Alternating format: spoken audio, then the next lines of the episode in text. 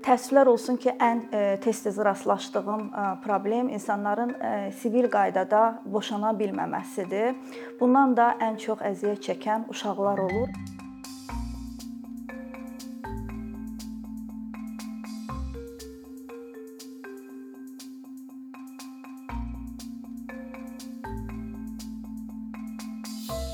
Boşanma sevdiyimiz insanın itkisindən sonra rastlaşa biləcəyimiz ikinci ən stressli həyat hadisəsi hesab olunur. O stresslidir, çünki bu zaman insanın həyatının müəyyənliyi, məna hissi, proqnozlaşdırılması anlayışı e, təhdid altına alınır. İnsan e, resurslarının xüsusilə limitli olduğu bir dövrdə güclü emosiyalar e, yaşayır və ümumiyyətlə boşanma insanın emosional və emosional rifahına e, mənfi təsir eləyir. Belə ki, çoxsaylı araşdırmalar deyir ki, boşanmanın e, ilk ilində xüsusilə də qadınların həyat şərtləri 73% aşağı düşür. Boşanmadan keçən insanlar təşviş və depressiyadan əziyyət çəkir və boşanan insanlar evlilərə nisbətən daha qısa ömürlü olurlar və daha çox sağlamlıq problemlərindən əziyyət çəkirlər. Lakin elə hallar var ki, bu zaman yəni boşanma qaçınmazdır və bu zamanda diqqət eləyib özümüzün ən yaxşı versiyamız kimi bu çətin həyati prosesdən ləyaqətlə keçməyə çalışmalıyıq. Çünki biz bu zaman yaxın çevrəmizə və uşaqlarımıza rol model oluruq. Boşanmadan keçən insanlar ümumiyyətlə hələ də müəyyən təzyiqlə üzləşirlər. Bu sosial çevrənin təzyiqi, işə götürənin təzyiqi, yaxınların təzyiqini göstərmək olar. Bundan başqa e, digər partnyorun təzyiqini də qeyd eləmək olar ki, tərəflərdən biri boşanmanı qəbul eləmir və digər tərəfi boşanmaması üçün, yəni e, zorakılığa e, məruz qoyur onun resurslarını qısıtlayır və təhdid eləyir, e, onu öldürməklə, övladlarını öldürməklə təhdid eləyir. Təəssüflər olsun ki, ən e, tez-tez rastlaşdığım e, problem insanların sivil qaydada boşana bilməməsidir. Bundan da ən çox əziyyət çəkən uşaqlar olur. Belə ki, tərəflərdən biri digərinə zorakılıq göstərəndə bu zorakılıqdan həm də uşaqlar əziyyət çəkirlər və onlar da zorakılıq qurbanı hesab olunurlar. Ümumiyyətlə deyərdim ki, boşanma problem deyil. Boşanmada problem konfliktdir və konflikti idarə eləyə bilməyən iki böyükdür və uşaqlar da əslində bu zaman konfliktdən əziyyət çəkirlər. Qeyd elədiyim kimi insanlar bu zaman müəyyən suallar ətrafında düşünərək ətrafa necə rol model olduqlarını düşünməlidirlər. Bir balaca özünü gələcəyə aparıb illər sonra bu günlərə geri baxanda özümü necə biri kimi xatırlamaq istəyirəm və yaxud da uşaqlarımızın boşanmağımızı necə xatırlamağını istəyirəm sualı ətrafında düşünüb daha şuurlu addımlar ata bilərlər. Boşanma zamanı yaşanan çətinliklərdən və problemlərdən biri də hüquqi çətinliklərdir. Belə ki, yenə də uşaqların e, aliment e, haqqı pozulur, e, uşaqların istirahət hüququ pozulur, digər valideynin ünsiyyət hüququ pozulur. İqtisadi çətinliklər də hamıya bəllidir. Boşanma zamanı nəzərə alınması gərəkən xırda məqamlar çoxdur. Yəni əslində evlənməyimizi planladığımız kimi boşanmağımızı da planlamalıyıq belə ki, xəbərin uşaqlara verilməsindən tutmuş, onu uşaqlara əsaslandırmaq, qarşı tərəfin manipulyator, narsist kimi neqativ etiketlənməməsinə diqqət, qarşı tərəfə məlumatı ya xəbəri çatdırarkən diqqətli olmaq, onu incitməməyə çalışmaq lazımdır və bunların hamısına hazırlanmaq lazımdır. Belə ki, boşanmağı qərara almış insan artıq beynində münasibəti çoxdan bitiribdi və o bu fikirlə bir müddət artıq yaşayıbdı. Amma bu xəbəri qarşı tərəfə verdikdə bu onun üçün yenilik idi və dərk eləmək lazımdır ki, boşanma itkidir və qarşımızdakı insan itki veribdi və ona o itkisini yaşamağa zaman vermək lazımdır, müəyyən alan vermək lazımdır. Ümumiyyətlə bu imkanı ona da özümüzə də yaratmaq lazımdır. Yəni e, empatiyanı, diqqəti, hörməti qoruyaraq boşanmadan daha da ləyaqətlə e, keçə bilərik. Ümumiyyətlə e, övladları olan ailələr boşanan zaman xüsusilə diqqətli olmalıdırlar. Belə ki, uşaq mərkəzli boşanmalar tətbiq olunmalıdır. Uşaq mərkəzli boşanmalarda uşaqların ehtiyac və maraqları ön plana çəkilir. Vəziyyətə uşaqların pəncərəsindən baxılır və qərar verərkən uşaqlar üçün nəyin doğru olduğu axılda tutulur. Belə ki, valideynlər yüksək stressin və münaqişənin təsiri ilə uşaqlar üçün nəyin doğru olduğunu unuda bilir və bir çox səhvlər eləyə bilirlər. Bu zamanda yenə də özümüzü partnyorluqdan kənarlaşdırıb artıq ilk olaraq özümüzü bir valideyn kimi və birgə valideyn kimi görməliyik. Təəssüflər olsun ki, dünyada uğurla tətbiq olunan birgə valideynlik Azərbaycanda demək olar ki, yox səviyyəsindədir.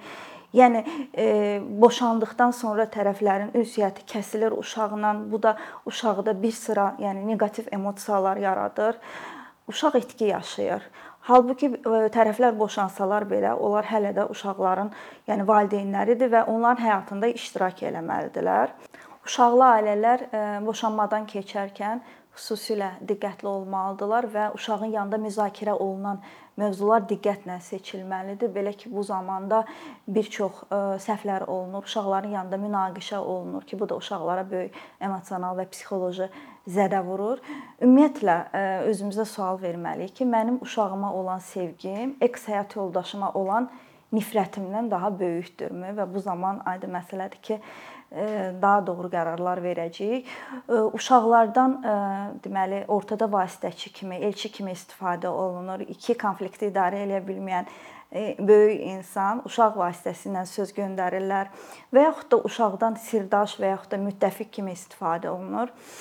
Və aydın məsələdir ki, bu söhbətlərin heç biri uşaq qulaqları üçün nəzərdə tutulmayıb və biz bunu uşağımızla müzakirə eləyəndə uşağımızdan uşaqlıq sevincini və məsumiyyəti oğurluyuruq və ona e, onu zamanından tez böyümək məcburiyyətində qoyuruq. E, uşaq üçün hər bir valideyn əzizdir. O hər iki valideynini sevir və digər valideyni e, uşağın yanında pisləmək, e, yəni təcrid olunmaya e, səbəb ola bilər.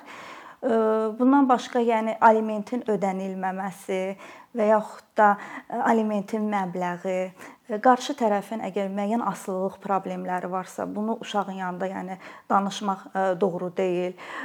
Uşağın yanında digər valideyni pislədikdə nəzərə almalıyıq ki, burada digər valideynin e, emosional olaraq uşaqla arasında artıq problem yaranır və e, uşaq e, digər valideyndən uzaqlaşır.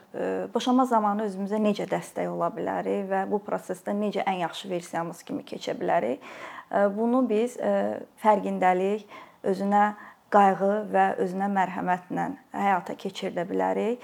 Bayaq qeyd elədim ki, boşanma e, yasdı, itkidir və bu zamanda özümüzə mərhəməti tətbiq eləməliyik. Emosiyalarımızı yazılı şəkildə ifadə eləyərək, əgər imkan varsa, yəni e, mütəxəssisdən dəstək alaraq bu prosesdən daha rahat və daha asan keçə bilərik. Çünki tədqiqatlar deyir, deyir ki, insanlar çətin dövrlərdən keçəndə müəyyən dəstək aldıqda bu sonrakı travma ehtimalını qat-qat azaldır boşanma prosesini tək özümüz üçün yox, uşaqlarımız üçün də daha rahat eləməliyik. Belə ki, bu zaman uşaqlara hansı mesajı verdiyimiz çox əhəmilidir. Xəbəri uşağa necə verdiyimiz birinci növbədə əhəmilidir.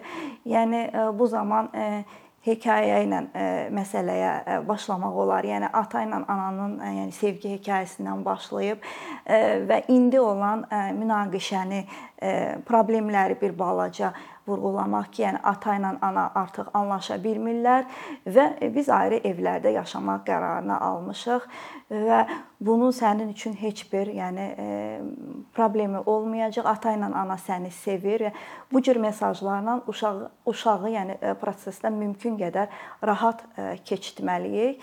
Yəni sən önəmlisən, sən təhlükəsizsən, səndə hər şey qaydasındadır mesajını vermək lazımdır. Təbii ki, bunun üçün hər iki valideyn çalışmalıdır. Yəni yaxşı olar ki, bu zamanda birgə valideynlik tətbiq olunsun. Ümumiyyətlə uşaqların maraqları qorunmalıdır. Ümumiyyətlə Azərbaycanda yüksək münaqişəli boşanmalar çoxluq təşkil eləyir. Yəni əksər hallarda tərəflərdən biri boşanmağı qəbul eləmir və yaxud da ailəsi qəbul eləmir. Yəni münasibətdə o qədər münaqişə yaşanır ki, artıq ondan sonra hər hansı bir ünsiyyət e, insanların arasında mümkünsüz olur. Bu zaman yəni e, ağlımızda tutmaq lazımdır ki, bizim ayrıldığımız insan bir zamanlar çox sevdiyimiz insandır. O insan bizim övladımızın atası və yaxud da anasıdır və e, hər şey hər zaman bu qədər pis olmayıb. Bunu ağlımızda tutmaq lazımdır və e, boşanmadan keçərkən ünsiyyət e, şəklimiz həqiqətən də özümüz üçün də, uşaqlarımız üçün də uzun müddətli perspektivdə çox böyük e, təsirə malikdir. Belə ki, biz bu zaman qarşı tərəfə empatiya tətbiq eləməliyik, qarşı tərəfi hörmət çərçivəsində yəni ünsiyyətimizi qurmalıyıq. Yəni xüsusilə də bu zaman yəni uşaqlar varsa, biz uşaqlar yəni uşağımızın atası və yaxud da anası və birgə valideynlik partnyorumuz kimi baxmalıyıq artıq. Yəni biz e, yoldaşıq. Ola bilər ki, artıq həyat yoldaşı deyilik, amma uşağı böyütmə yoldaşıyıq artıq və bunun üçün də biz e, müəyyən e, ortaq dil tapıb bu konflikti həll etməliyik ki, ünsiyyətimiz mümkün olsun və uşaqlarımızı birgə böyüdə bilək.